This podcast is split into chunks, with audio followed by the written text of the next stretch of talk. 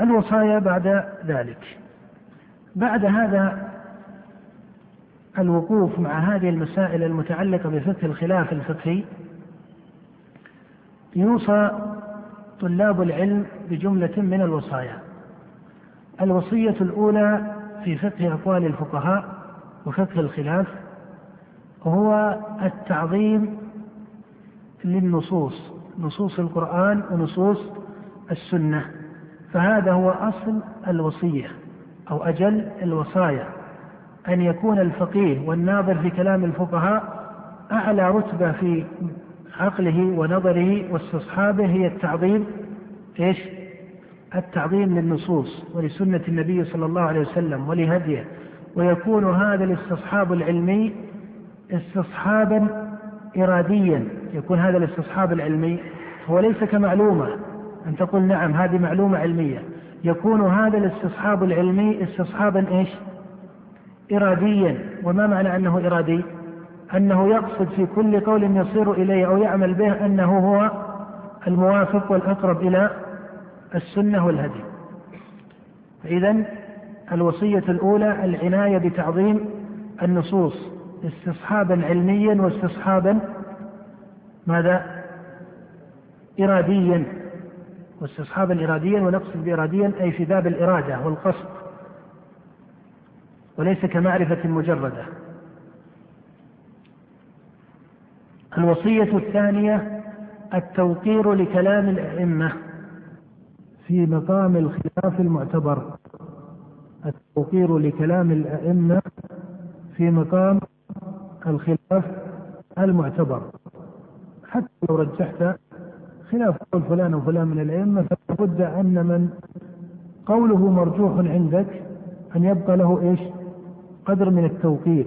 كلمة التوقير أخف من التعظيم ولذلك قيل في النصوص ماذا؟ التعظيم. وأما في الأئمة فيقال إيش؟ التوقير. ومن الأسف وضيق الفقه عند البعض أن كأن هناك قدرا من التمانع بين تعظيم توقير الأئمة وإيش؟ وتعظيم. النصوص والأمر ليس كذلك لمن فقه. الوصية الثالثة ما يتعلق بالتحصيل ما يتعلق بالتحصيل العلمي. وهنا مقامان المقام الأول مقام التأصيل. إذا الوصية الثالثة تتعلق بالتحصيل بالتحصيل بالحاء وهذا التحصيل على مقامين. المقام الأول مقام التأصيل والتأصيل العلمي يكون بالمختصرات العلمية في مسائل علوم الشريعة من الفقه والحديث والاعتقاد والتفسير والأصول يعني أصول الفقه والقواعد وما إلى ذلك. وهذه المختصرات متاحة وشائعة وإن كانت قد تختلف فيها الأمصار كبعض المتون في الفقه المختصرة في مصر حنبلي عن مصر شافعي إلى آخره وفي باب المصطلح كالنخبة مثلا أو بعد ذلك المقدمة لابن الصلاح وفي النحو كالأجرومية اشتهرت عند الكثير اليوم وألفية ابن مالك بعد ذلك وهنا مجرة من قواعد التأصيل. وفي باب الاعتقاد كبعض المتون لشيخ الإسلام الجميع أو لبعض الأئمة وما إلى ذلك. هذا فقه أو هذا مقام التأصيل. ولربما أن الكتب المسماة فيه مشهورة. بعد ذلك الانتقال إلى النظر والفقه بعد التأصيل. أن يترقى الطالب بعد أن يتأصل في مقدمات هذه العلوم وأوائلها إلى ماذا؟ إلى التفقه والنظر. وليس أقول إلى الاجتهاد فمحل الاجتهاد هي رتبة متأخرة.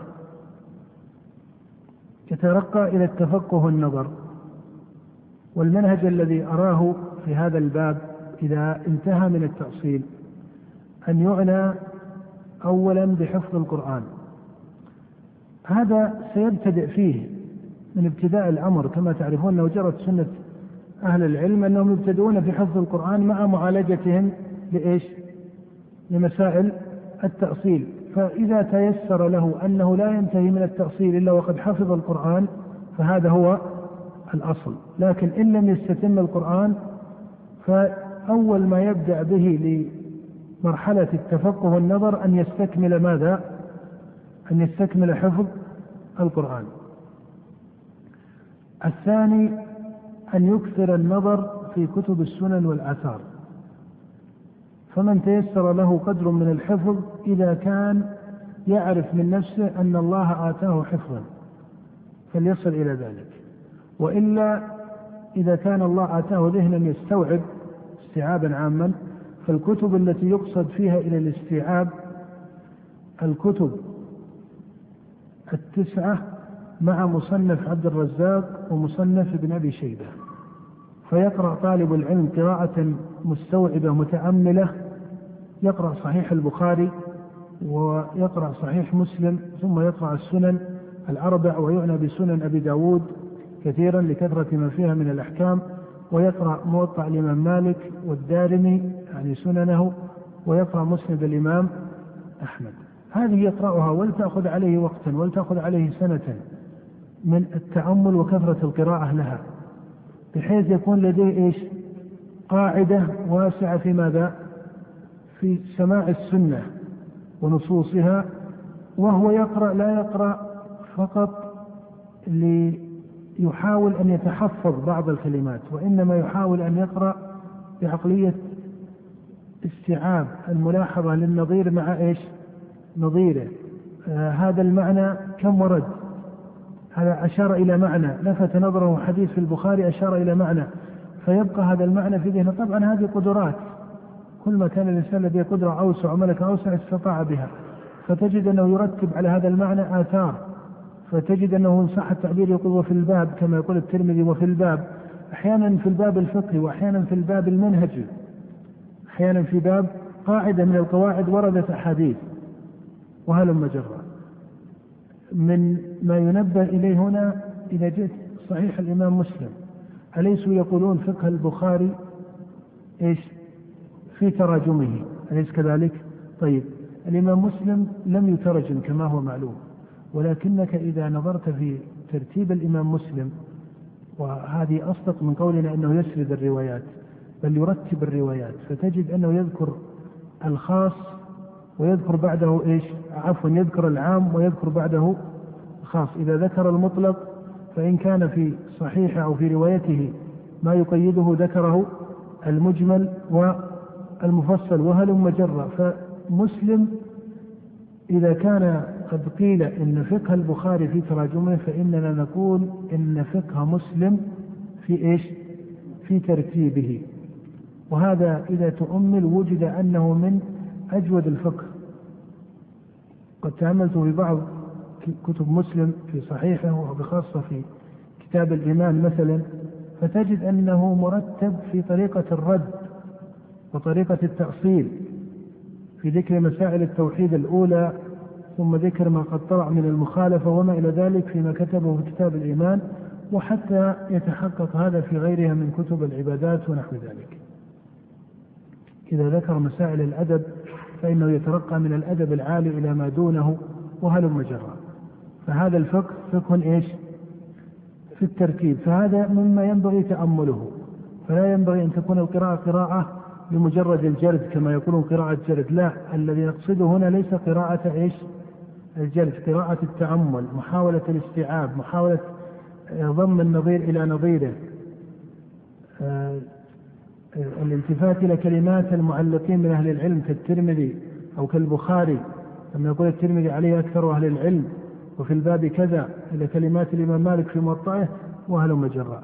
ثم بعد ذلك يقرأ قراءة استيعاب وتأمل مصنف عبد الرزاق بن أبي شيبة ليعرف الآثار آثار السلف وآثار الصحابة وآثار المتقدمين الذين وجدت آثارهم في هذه المصنفات.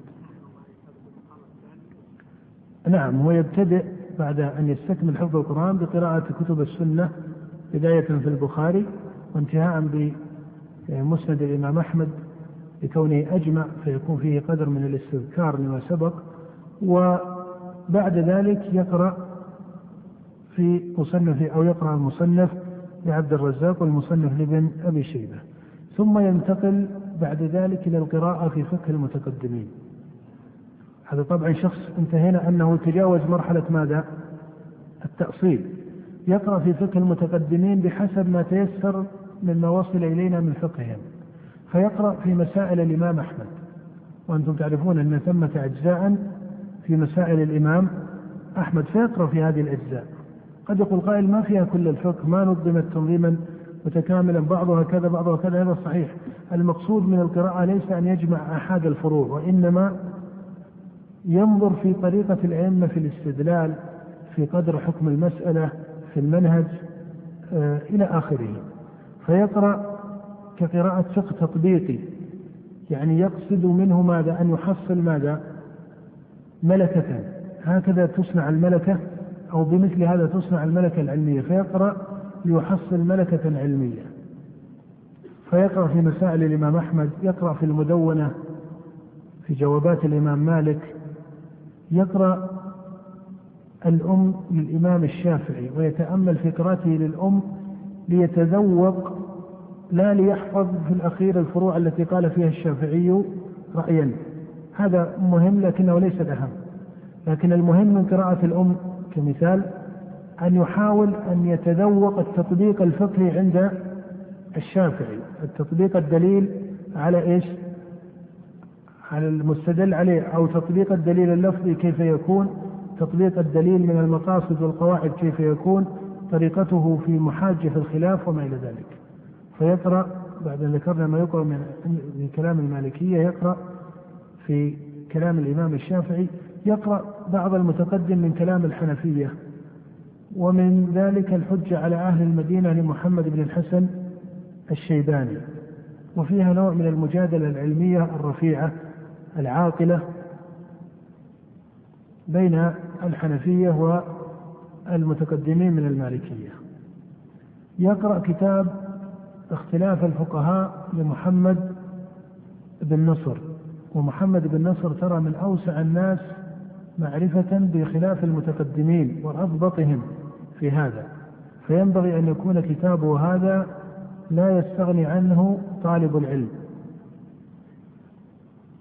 وهناك من الكتب الأجزاء أحيانا في بعض الأبواب في كتاب الأموال لأبي عبيد مثلا القاسم بن سلام هناك أجزاء أو أحيانا مثل القراءة خلف الإمام كجزء للإمام البخاري أنت تقرأها كتطبيق كطريقة تعامل المحدثين في تطبيقيات أو في تطبيقات الفقه.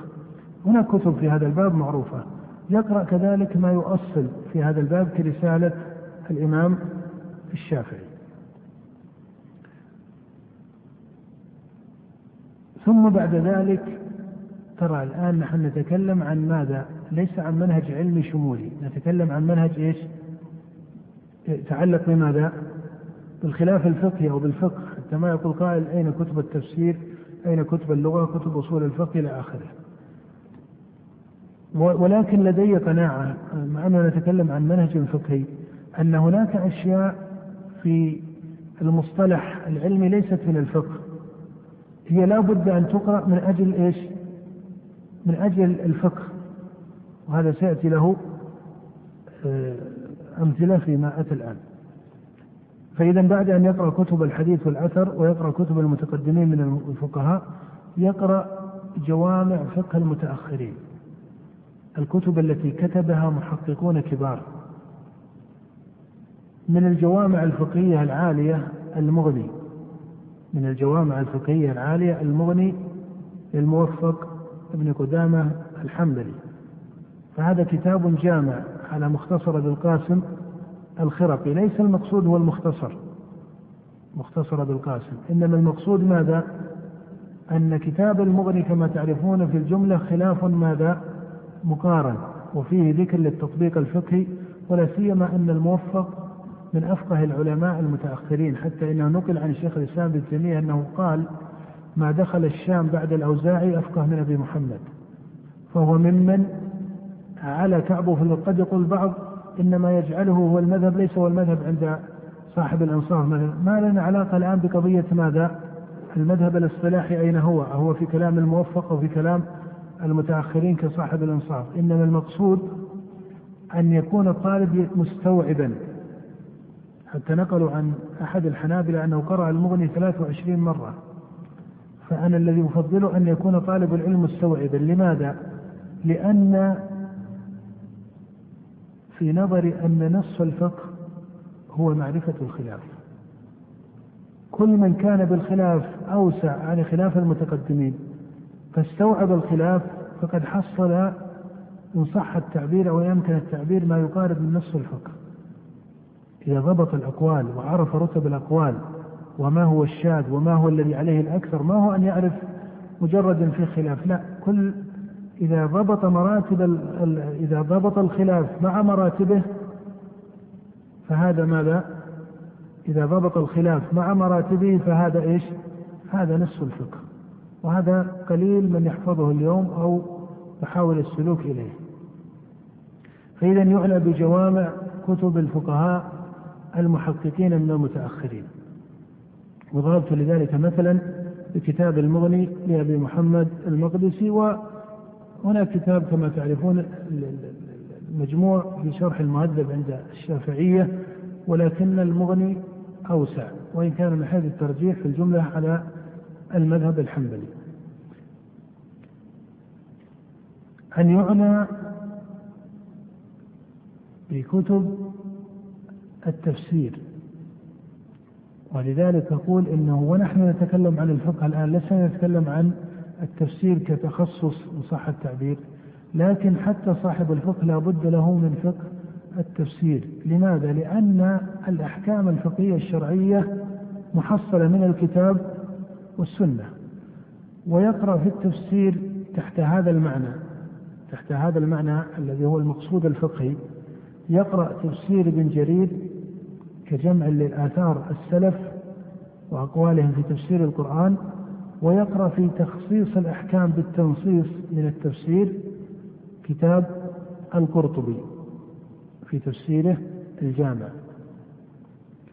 ولأخذ سياق اللغة وأثر الملكة العلمية في تحصيل الاستدلال من القرآن من أجود ما يقرأ تفسير الطاهر بن عاشور. أو تفسير أبي حيان مع أن الطاهر بن عاشور أجمع وأجود.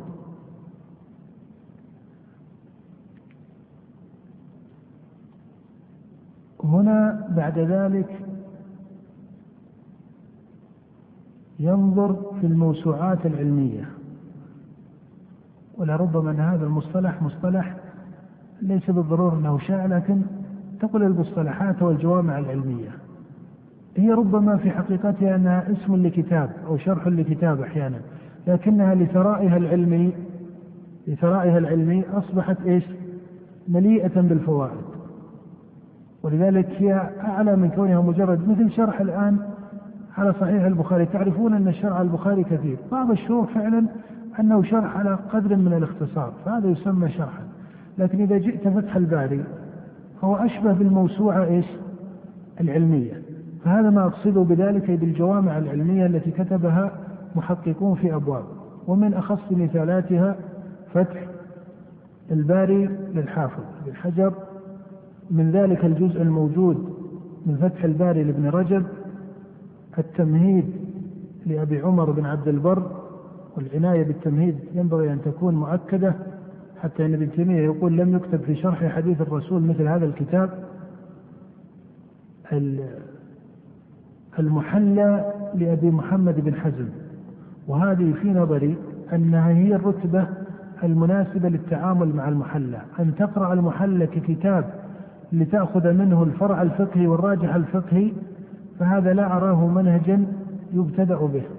ولكن أن تأخذ المحلى في صناعة التفقه والملكة الفقهية وسعة العلم بالآثار والأقوال وطرق المحاجة والمراجعة والأخذ وما إلى ذلك فهذا ينبغي أن لا يستغني عنه طالب العلم أعني كتاب المحلى لأبي محمد بن حزم تحت هذا التسلسل تحت هذا التسلسل. هناك بعض الكتب المؤصلة مثل كتب الشاطبي كالموافقات في التقعيد مثل إعلام الموقعين لابن القيم. هذا الاستطراد في تتبعه يطول لكن كأن الإشارة إلى المقصود وصلت. الوصية نقول إيش؟ الرابعة والأخيرة بعد أن ذكرنا الكتب وهذه يتسلسل بعد ذلك فيها طالب العلم. الوصية الأخيرة والخاتمة بعد أن ذكرنا تعظيم النصوص وتوقير الأئمة فآخر ما يذكر في هذه المجالس من الوصايا هو قصد التوسعة على المسلمين في فقههم أو في الفقه تحت قاعدة الخلاف إيش؟ المعتبر والتوازن بين مراعاة الدليل وفقه المصالح وفقه المصالح فقصد التوسعة قصد شريف. إذا ضبط بمراعاة الدليل ومراعاة ماذا؟ المصلحة. ولذلك سبق مثلنا أن بعض الأقوال إشاعتها فيه مفسدة. إشاعته فيه مفسدة أو فيه فتنة على كثير من العامة. فلا يوسع على الناس بما يقتضي الفتنة أو الفساد وإنما يوسع عليهم بما كان من الخلاف معتبرا وليس ينافي ظواهر السنن وليس فيه ماذا؟ مفسدة أو فتنة. فما كان من الخلاف لا يتأثر بذلك فإن التوسعة فيه هي الأصل. فالوصية الأخيرة هي القصد إلى التوسعة. هذا ونسأل الله سبحانه وتعالى بأسمائه وصفاته أن يجعلنا ممن يستمعون القول فيتبعون أحسنه. وصلى الله وسلم على نبينا محمد وآله وصحبه وسلم.